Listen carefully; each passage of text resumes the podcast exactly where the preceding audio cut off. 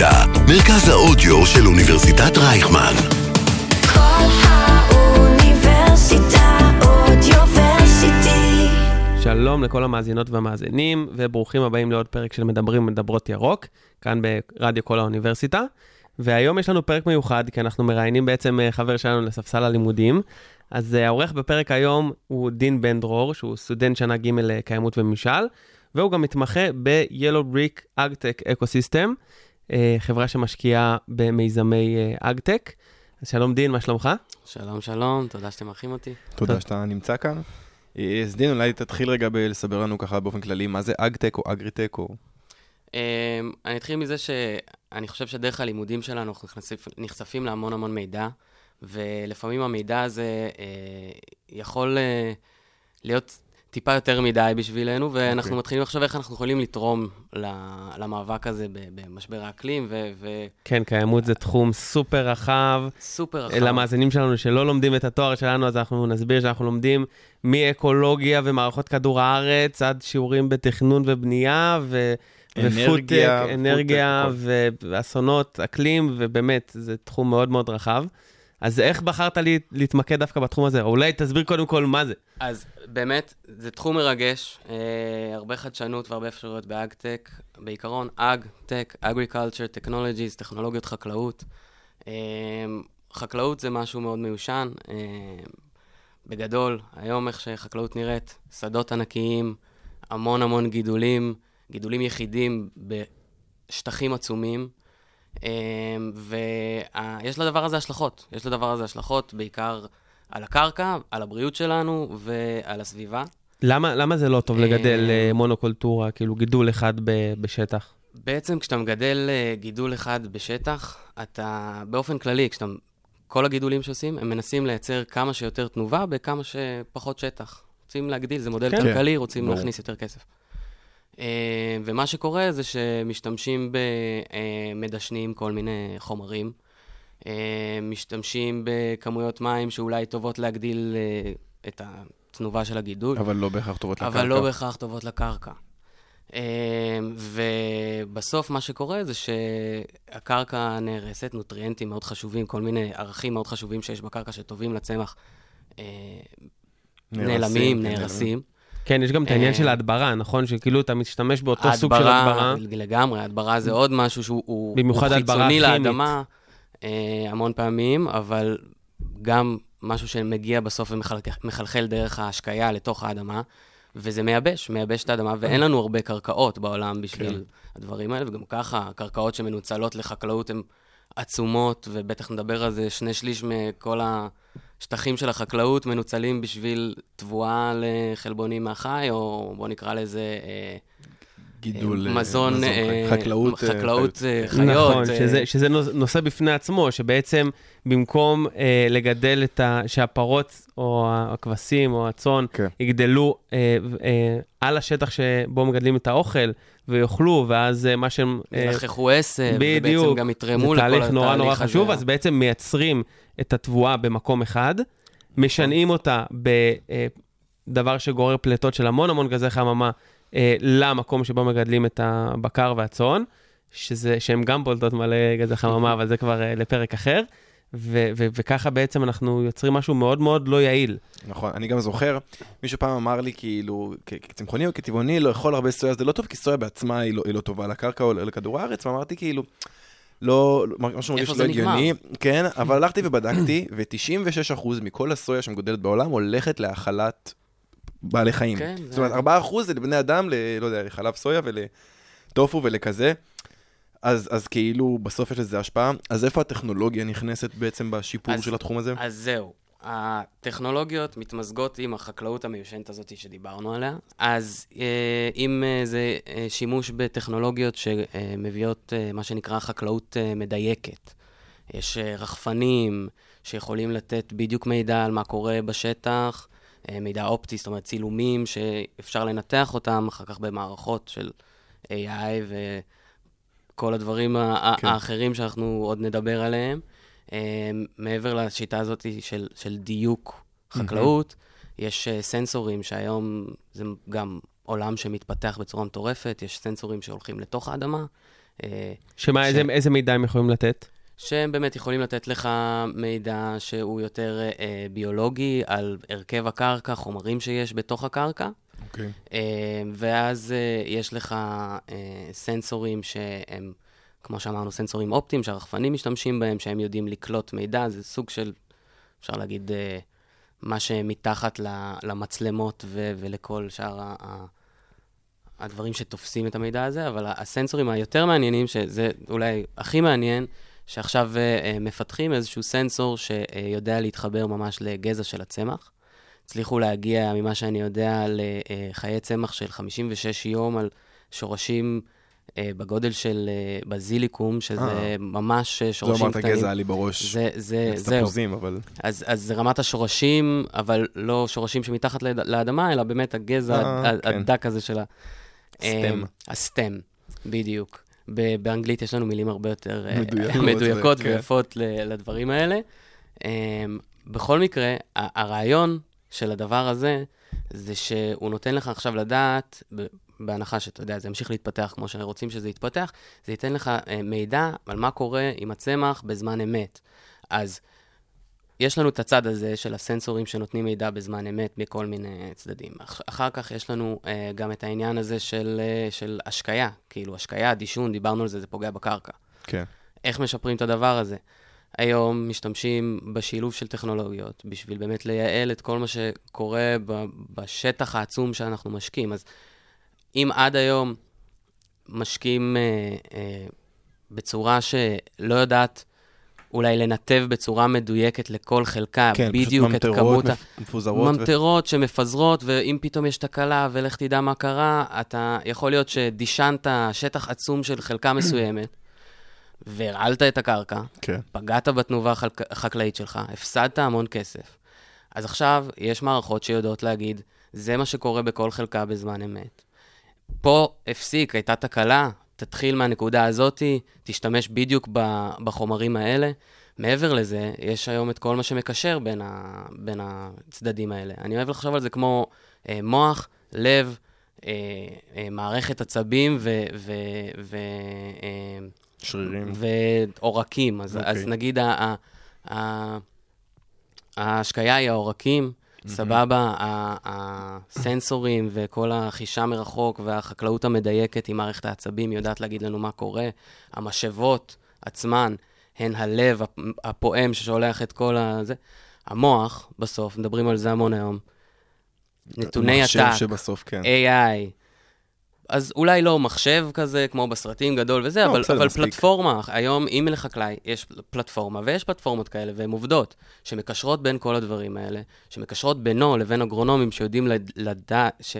ב- בינו לבין אגרונומים, כן. שיודעים לתת מתכון מדויק לגידול הספציפי שיש לו כדי להגדיל את התנובה ולהשתמש בכמה שפחות מזהמים לקרקע ולצמח. יש פה ecosystem כן. שיודע לייעל את כל השלבים של החקלאות. אוקיי, עכשיו סתם שאלה לי מה שאתה אמרת, אני לא יודע אם אתה יודע תשובה לזה, אבל בסוף כאילו אני מדמיין את החקלאים שאני מכיר, והם לא אנשי טכנולוגיה גדולים, אז כמה פשוט להם ה... אני מדמיין איזה חקלאי אמריקאי עם חולצה אתה משובצת. יודע, לא מספיק אמריקאי, בדיוק. מספיק אה, נגעתם. כן, מהנגב, גם. כמה קל לו הממשק עם. נגעתם הטכנולוגיות בדיוק האלה. ב- באתגר הכי גדול.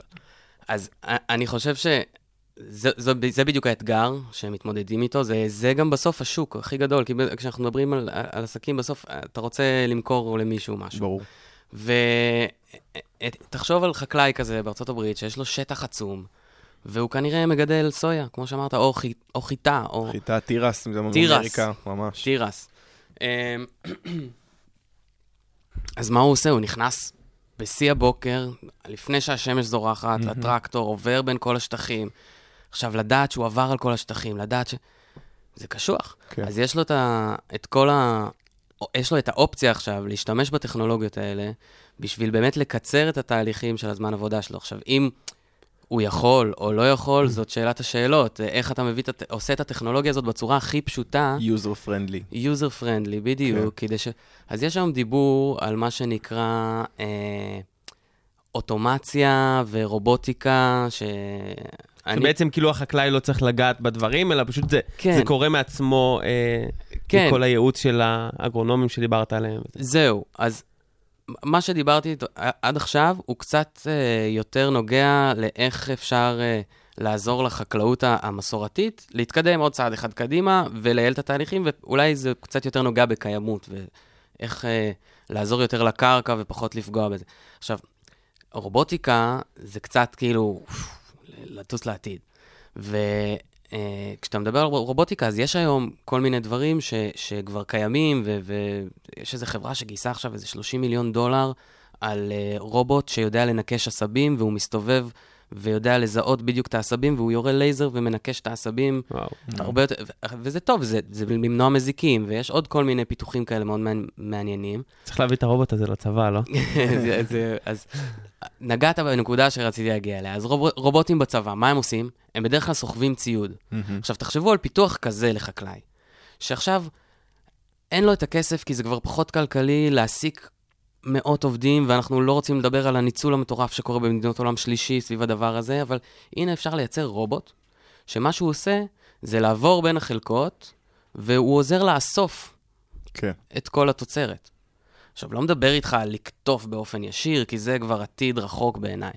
אתה מדבר על דברים פשוטים שלא בהכרח כרוכים באתגרים טכנולוגיים משמעותיים, אבל בעצם אה, דברים פשוטים שיכולים איזה כלי חשמלי שהוא צריך להיות די פשוט, שפשוט ידע ל- לנסוע ולקחת את התבואה ו- ו- ולהביא אותה למקום שצריך, כאילו.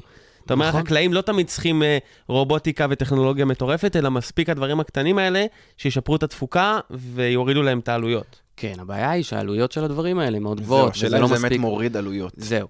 אז בשביל שזה יתאים לחקלאים, בעצם מדברים על שירותים כן. שאתה מוכר לחקלאי, ובהם כלול כל הרובוטיקה שהוא צריך וכל העזרה שהוא צריך, ובעצם כל מה שהוא צריך זה לקנות את השירות הזה, ו... כאילו יש חבילה של הכל כן, כלול. ומעבר... עכשיו, גם לזה, זה, אתה חושב, אבל לייצר את הרובוטים האלה, וזה זה נראה לי לא יהיה יעיל ולא יהיה מהמם. כלכלי לחקלאי. אז בסוף, איך אנחנו מביאים את הטכנולוגיה הזאת ומשפרים את הכל בשביל החקלאי הפשוט? זה שאלת השאלות. כן. אני אגיד לכם את האמת. אנחנו מתעסקים בזה, אני לא יודע איך עושים את זה כרגע, אבל זה, לשם זה אבל הולך. בסוף בעולם שלנו, שבעצם לכל חקלאי יש סמארטפון, אה, יש אה, קונסטלציה שבעצם הכל יכול להימצא בענן, כל הניתוחים, כל העניינים האלה, והוא פשוט מקבל משהו לאפליקציה ואומר, אה, טוב, יופי, אז עכשיו אה, צריך להפעיל את ההשקיה ככה, עם ריכוז דשן כזה, ועוד שבוע כבר היבול יהיה מוכן ואני אבוא לקצור אותו. חד משמעית, זה כבר מה שיש. עכשיו, אה, זה לא מספיק נפוץ. כן. אה, אני חושב שזה עדיין לא מספיק כלכלי לאותם חקלאים פשוטים שדיברת עליהם, וזה חלק מהבעיה, אבל בטח שיש דבר כזה. וזה בדיוק המוח הזה שדיברתי עליו, יש פלטפורמה היום, שאתה יכול להיכנס אליה, ויש לה database ענק, שכל מה שיש בו זה סוג של marketplace של חקלאים, של אה, מדשנים, של אגרונומים, אמ, שכל מה שהחקלאי צריך זה להוריד אותה לטל, לטלפון, או יותר טוב, ל, אה, לאייפד שלו, והיא יכולה להתחבר לאותן משאבות שדיברנו עליהן מוקדם יותר, שהן יודעות להגיד בדיוק כמה בכל חלקה uh, כל סוג של גידול קיבל, אם אתה רוצה עכשיו לעבור גם עם- מחקלאות של גידול אחד לחקלאות מרובת גידולים, שזה גם משהו שמדברים עליו, שהוא מאוד מאוד חשוב לבריאות של שהוא, הקרקע. שהוא בעצם יותר יעיל גם, יש יותר כאילו מחקרים יעיל. שזה יותר יעיל מאשר מונוקולטורה. גם, גם מבחינה כלכלית מדברים על זה שזה הרבה יותר יעיל. היום אם אתה יכול לעשות גם גידולי פרי וגם גידולים אחרים, כן. או כמה סוגים של פירות, נגיד, על אותו שטח. כן, אפילו, אבל הרעיון הזה של לגדל כמה סוגים של גידולים שונים לגמרי, זאת אומרת, גם uh, גידול שדה וגם uh, גידולי פרי, זה שני כיוונים שלחקלאים זה כאילו עולם ומלואו, ועכשיו לחבר ביניהם באותו שטח, זה גם קשה, כן כן. מטורף. ואם יש לך, ושוב, זה משהו שקיים, יש לך uh, את המוצר הזה, שהוא נמצא באייפד שלך, ואתה יכול להסתכל שיש מוצר שהוא מאפשר לך לגדל אבוקדו בכל מקום בעולם. אה, יש מוצר כזה היום של קנקדו, חברה ישראלית. היום כבר יש סנסורים שאנחנו יודעים שאפשר להרכיב אותם ישר על, ה, על הפרי, על האבוקדו, על העץ, על ה, סליחה, על האבוקדו, על התפוח, ולראות כמה הוא, הוא גדל. אה, או בדיוק מה המצב של הפרי ומתי הוא מוכן לקטיף. אם יצליחו עם הפיתוח הזה של לנסות להכניס סנסור לתוך הגזע עצמו ולקבל בדיוק את רמת הנוטריאנטים שהעץ מקבל תוך כדי עבודה, וואו. זה מהפכני, זה כאילו. כן, מגניב.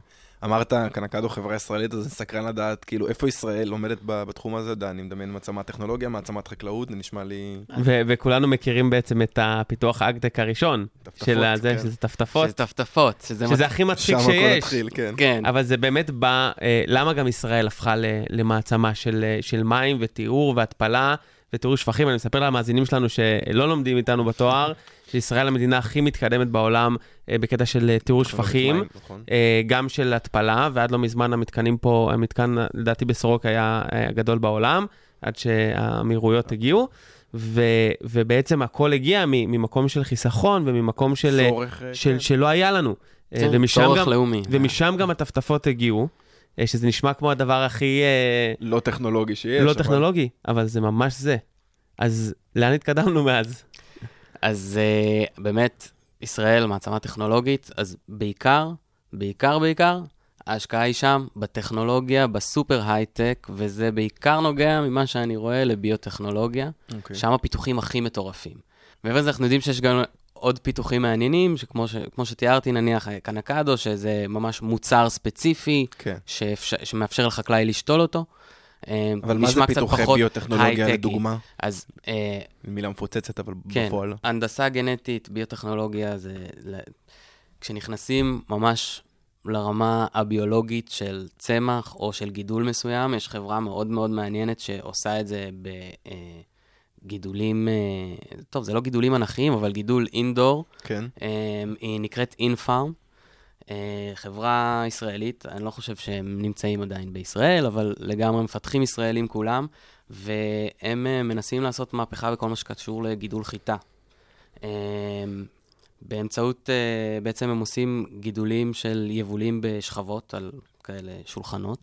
אה, עם אה, תאורה מיוחדת, תאורה ספציפית, מדענים, ממש כאילו מעבדה הייטק לגמרי. מכל, כן, כן, מעבדה מכל, מכל בחינה.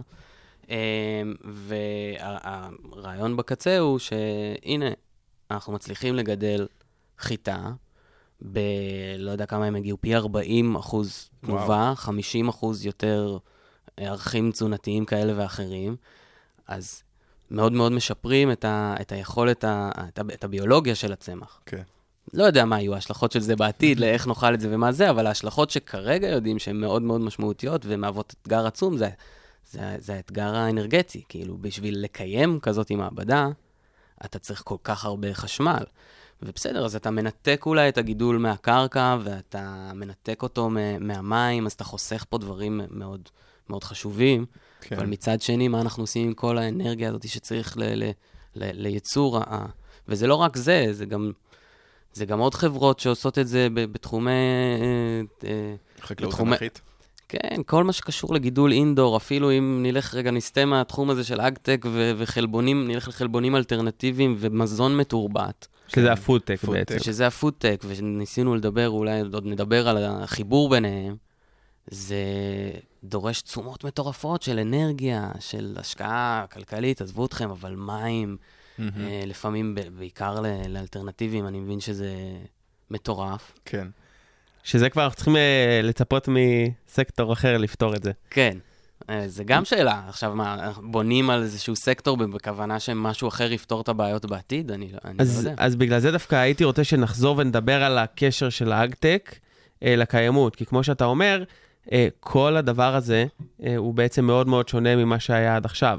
זאת אומרת, בשביל הסנסורים, בשביל הרחפנים, בשביל הגידול אינדור, בשביל כל זה, אתה בעצם, אתה אמרת עכשיו שצריך כמויות מטורפות של אנרגיה. אה, מים תמיד צריך, נכון, אנחנו ממטבים את ההשקיה. מהמם. איפה זה פוגש את הקיימות? בסוף, הטכנולוגיה החקלאית היא על כל התחום החקלאי, מקיפה את הסביבה, החברה וכלכלה, שזה קיימות. כן. כאילו, אם אנחנו מדברים על... אם אנחנו מדברים על איך זה משפיע על קיימות, אז אפשר לדבר על כל דבר שבו זה משפיע. אז בואו נתחיל מהקרקע. אם אנחנו ננצל פחות קרקע, נדבר על זה שהאוכלוסייה העולמית הולכת וגדלה, ואנחנו נצטרך הרבה הרבה יותר קרקע בשביל להכיל את כל האוכלוסייה כן. הזאת. ואם דיברנו על כמות השטח שהולכת למזון uh, מהחי, ש, שדורש את, ה, את, ה, את השטח הזה בשביל לייצר, אנחנו צריכים את השטח הזה בשביל לייצר לו אוכל. אוכל, אבל בסוף אתה גם צריך אנחנו- שטח לאכלס אנשים. זהו, אז זה, אז, אז, אז זה, בואו נדבר רגע על, רק על הפן הזה של השטח, אז זה יאפשר לנו לייצר דברים בהרבה הרבה הרבה פחות שטח. לייצר תנובה חקלאית בהרבה הרבה פחות שטח. זה כבר חיסכון אדיר, וזה מאפשר לנו גם uh, להשתמש ב, בשטח הזה, מי יודע מה, אולי להחזיר קצת טבע אליו, וזה גם uh, ערך עליון בעיניי. עכשיו, אם נדבר על הקטע של uh, חברה, או, או חברה ו... ו חברה וסביבה, אז השיטות החקלאיות האלה מאפשרות לייצר עוד מזון, מהמם. עוד מזון, עוד וגם ביטחון אמרת מקודם, מזון. אה, יותר בר- כאילו יותר בריא, פחות מזיקים, פחות... יותר אה, בריא, יותר תזונתי, אם עכשיו נדבר על הטכנולוגיות, אה, ב- אה, אם נדבר על הפיתוחים הביוטכנולוגיים האלה. שמאפשרים לייצר, נוטריאנטים טובים יותר. כן, מזון עם ערכים תזונתיים יותר טובים. אנחנו מדברים על להכיל יותר אנשים, לגרום ליותר אנשים, אה, לה- להגביר בריאות של יותר אנשים, ומעבר לזה לקלקל הרבה יותר אנשים. כי אם אתה עכשיו יכול לעזור לאותו חקלאי פשוט שדיברנו עליו, לייצר יותר בפחות, כן. אז גם יש לו יותר זמן, גם יש לו יותר כסף, אבל גם אנחנו פותחים פה עוד תעשיות שבהן אפשר להכניס אנשים לתעסוקה. אה, אנחנו מדברים על אה, כלכלה, זה כן. ו- שוב מתחבר לכל ה... וכאילו, אני חושב על חקלאות, אני חושב הרבה על מדינות uh, מתפתחות, מדינות עולם שלישי, שבהן חקלאות היא בערך שני שליש מהתוצר. כמה קל יהיה להתאים את הטכנולוגיות האלה? זאת אומרת, טכנולוגיות כאלה בישראל, בארצות הברית, נשמע לי קל. מהמם. אוגנדה, לא יודע, מדינות עולם שלישי כאלה ואחרות, כמה קל להנחיל את הטכנולוגיה הזו שם? או מה המגמות היום? אז על המגמות אני פחות יודע לד- לדבר, אבל אה, אני, אני אגיד שהפיתוח הזה של אה, פלטפורמות כן. לשיתוף מידע, אה, אני חושב שזה משהו שהוא יכול מאוד לעזור, כי בסוף, אם אנחנו מדברים על חקלאי שמגדל בצורה הכי מסורתית שיש, בצורה שאולי אבא שלו וסבא שלו לימדו אותו איך. לגדל בשטח שהוא הרבה יותר קטן מאיך שמגדלים בארצות הברית. הוא נכנס למין אה, פלטפורמה כזאת. עכשיו, בהנחה שיש לו סמארטפון, כן? זה גם אה, בעיה. כן. הוא, יש לו נגישות למידע שיכול לעזור לו בצורה, לדעתי, שהיא יוצאת דופן. מעבר לזה, אני חושב שהפעילות צריכה לבוא יותר מ-NGOs, אם אנחנו מדברים באמת על איך לעזור ל, לאזורים כאלה באפריקה, אה, לאזורים נחלשים. כן. אבל אה, ככל שהטכנולוגיה תתקדם ויהיו יותר ארגונים חברתיים כאלה שיוכלו לקחת את הדברים האלה לשם, אז פשוט המגמה תהיה זינוק אדיר. אה, ויש לך הערכה למתי נראה דבר כזה? זאת אומרת, אה, 10, 20, 50 שנה? אני חושב שב-2025 אנחנו כבר נראה שיפור משמעותי בכל מה שקשור לחיבור של הדברים האלה ב... באזורים היותר מתקדמים בעולם. כן. אמ, בכל מה שקשור למדינות נחלשות, אני לא רוצה להתחייב על איזשהו זמן, לא, בסדר. אבל, אבל, זה ייקח זמן. זה אבל זה יותר ייקח. זמן. כן. זה ייקח זמן, זה תמיד יותר קשה, וגם אה, אני- בסוף אני באמת מאמין ש... אה, יכול להיות שנוכל לחסוך דברים ככל שהטכנולוגיה הזאת תתקדם. ומה הכוונה? אולי זה יאפשר קצת פחות ניצול של האזורים האלה, כי באמת לא יצטרכו להשתמש בכוח העבודה הזול הזה, ומצד שני זה יאפשר לאנשים פרטיים שכן יכולים כן לגדל באזורים האלה ולאפשר ביטחון מזון לאוכלוסיות. בעצם אתה אומר שבעיקר הפיתוחים הביוטכנולוגיים, כמו שקראת להם, אה, כשהם יתקדמו אז, או כבר עכשיו, הם עוזרים לנו בעצם לייצר מזון מסוגים מסוימים באזורים שעד היום לא יכולנו לגדל שם. כן. הפיתוחים הביוטכנולוגיים שדיברנו עליהם, כמו אינפארם, אני חושב שדווקא הם פתרון שהוא uh, פתרון לעשירים. וזה פחות פתרון ל- לכל העולם, זה פתרון שהוא מציג איזשהו, איזשהו רעיון אוטופי כזה יפה, שאולי יום אחד כולנו נחיה בערים, שהכל גדל באיזשהו בניין אחד, והכל מאוד מאוד מאוד יעיל, ואפשר לא רק לגדל חיטה, אבל גם לגדל אה, שועית, אורז, אה, מלפפונים, עגבניות, ו... נכון, אה. אבל בסוף, בתכלס, מה שנקרא, אנחנו רואים שאחד הדברים היפים בעיניי, שכאילו, שאנחנו, מה שאנחנו מצליחים לעשות עם החקלאות בנגב, שבמקום שבלי הטכנולוגיה לא יכולת לגדל בו שום דבר, והוא לא, כביכול לא היה שווה לך כלום, חוץ ממעט מאוד אה, מגורים ושטחי אש, בגדול, אה, אז אתה מצליח לגדל שם כמות יפה מאוד אה, של חקלאות, שמושקית ברובה אה, במים, אה, במי שפכים מטוהרים מה- מהמרכז, שזה משהו. כאילו, זה משהו מדהים. זה מדהים. אני חושב שזה הכיוון אליו זה הולך, ואני חושב שזה הדבר שיביא את השינוי האמיתי. ככל שיהיו... אה, המדינה שלנו פשוט מאוד מיוחדת בעניין הזה. כאילו, הרעיון הזה של התפלת מים ושימוש בחקלאות במים אה, ממוחזרים. ממוחזרים, או, או כן, במים, אה, במי שופכין, בזיקוק מסוים, בניקיון כן. מסוים, אז uh, זה רעיון מהפכני. ובגלל זה יש לנו פה קרקע פוריה לדברים האלה. אז אם אתה מוסיף לכל זה את המעגל הסגור הזה שדיברנו עליו, של השקיה אוטונומית וחכמה, וחקלאות מדייקת, חכמה שיודעת להגיד בזמן אמת מה קורה בכל השלבים של התוצר ו- ושל הגידולים, אני חושב ששילוב כזה של מעגל סגור של טכנולוגיות, יכול, אפשר להעתיק אותו לכל מקום בעולם. כאילו, זה לא באמת משנה. פשוט uh, צריך לעשות את ההשקעה הראשונית הזאת, וזה... כן. אמרת שכאילו ב-2025 כבר נראה ממש השמה של זה במדינות המפותחות יותר.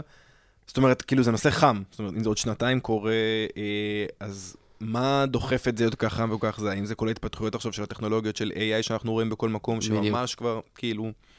זה, זה, זה הדברים האלה שמקדמים את זה, או האם זה החשיבות וההבנה של חקלאים ומדינות שזה הזמן להתחיל לעבוד בתחום הזה? או שזה, ששניהם- או שזה בכלל הצורך, שבעצם יש, אנחנו רואים שיש לנו פחות חקלאים.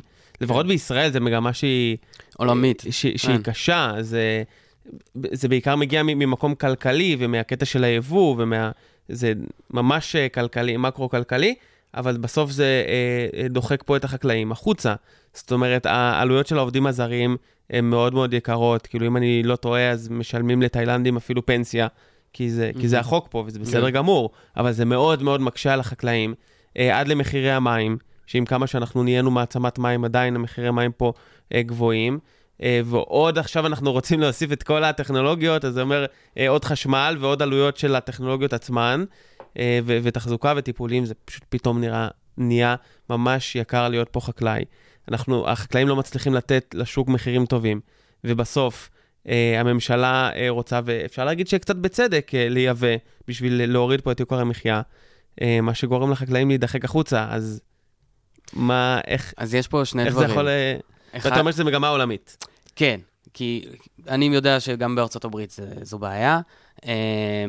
ועומר אמר משהו אחד, ואתה אמרת משהו אחר. אז בעצם עומר דיבר על, על מה מקדם את העולם הזה, ו, ולדעתי, אין מה לעשות, האופנה כרגע היא באמת בינה מלאכותית, נתוני עתק, AI, דאטה, כל הזמן מדברים על זה בכל מקום, וזה מה שמניע את מה שאני רואה ב, בהשקעות, ב, באיזה חברות מקבלות uh, את, את עיקר הכסף, והן חברות uh, טכנולוגיות פרופר של רובוטיקה, חברות של uh, תוכנות, חברות של אופטימציה וכל המילים המפוצצות האלה.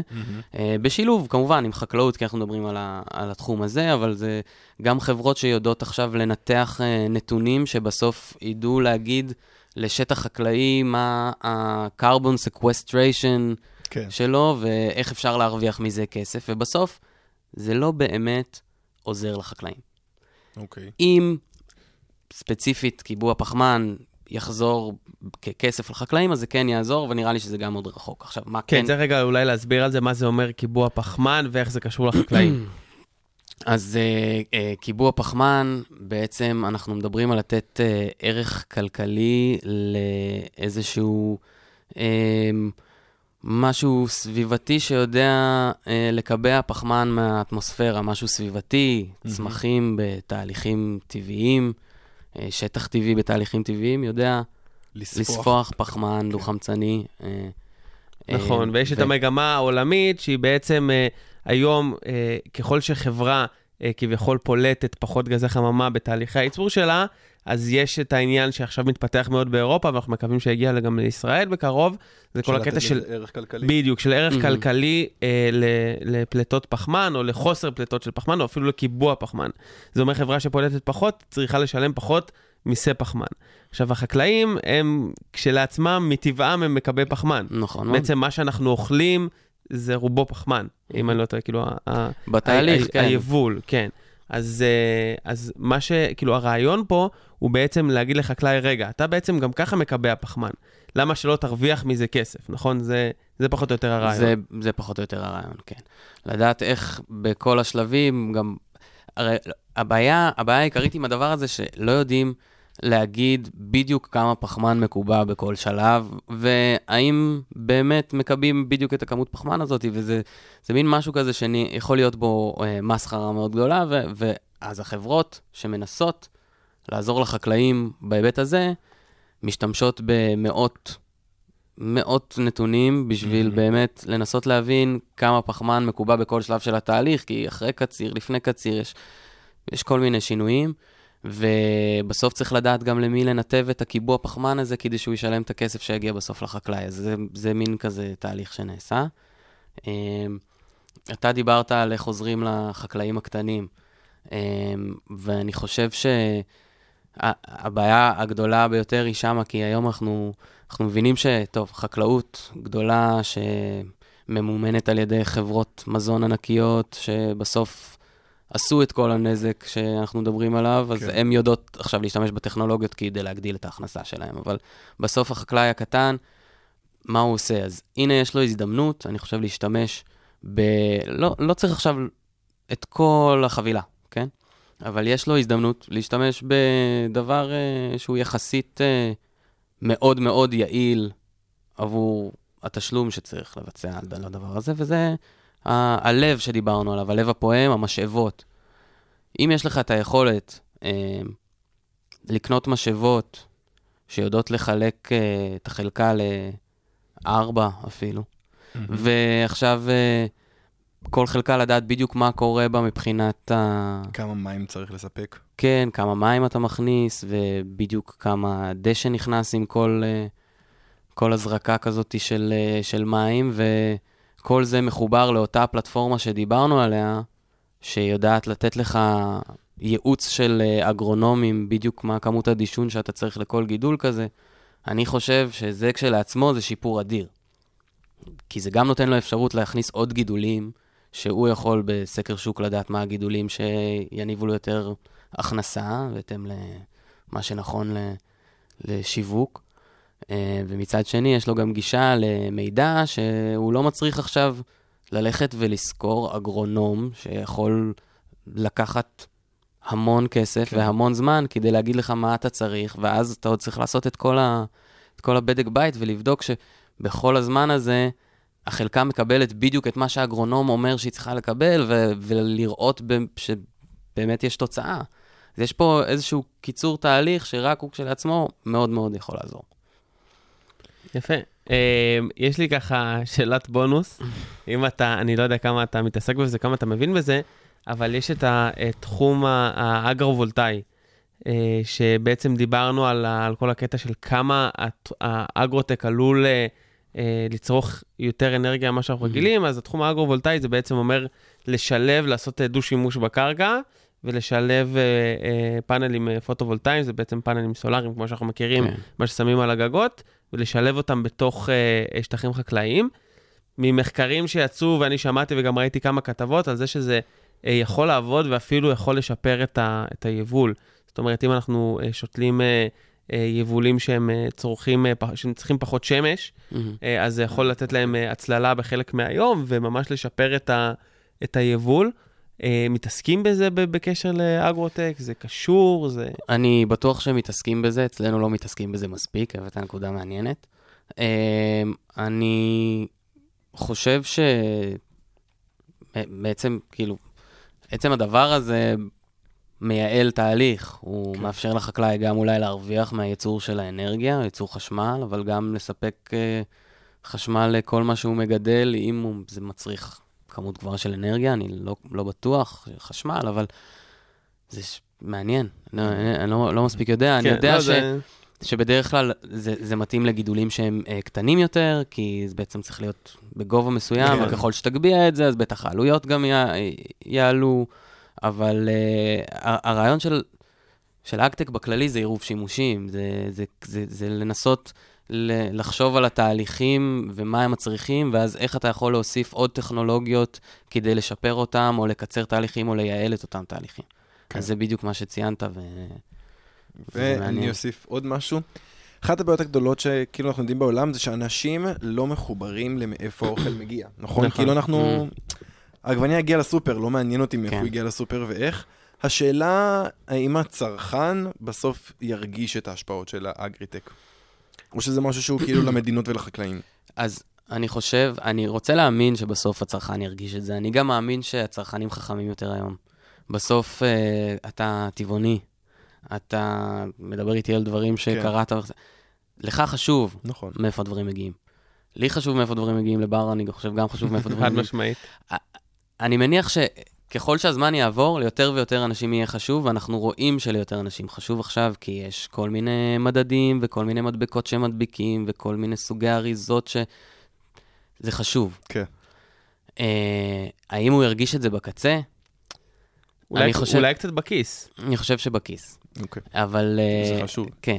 אבל אני חושב שזה ייקח מעט יותר זמן כדי שהוא ירגיש את זה, ירגיש את זה בכיס, ואני לא רוצה להיכנס יותר מדי לתחזיות אסון וכאלה ואחרות, אבל אני חושב שזה גם יאפשר לנו לשמר המון סוגי גידולים, כן.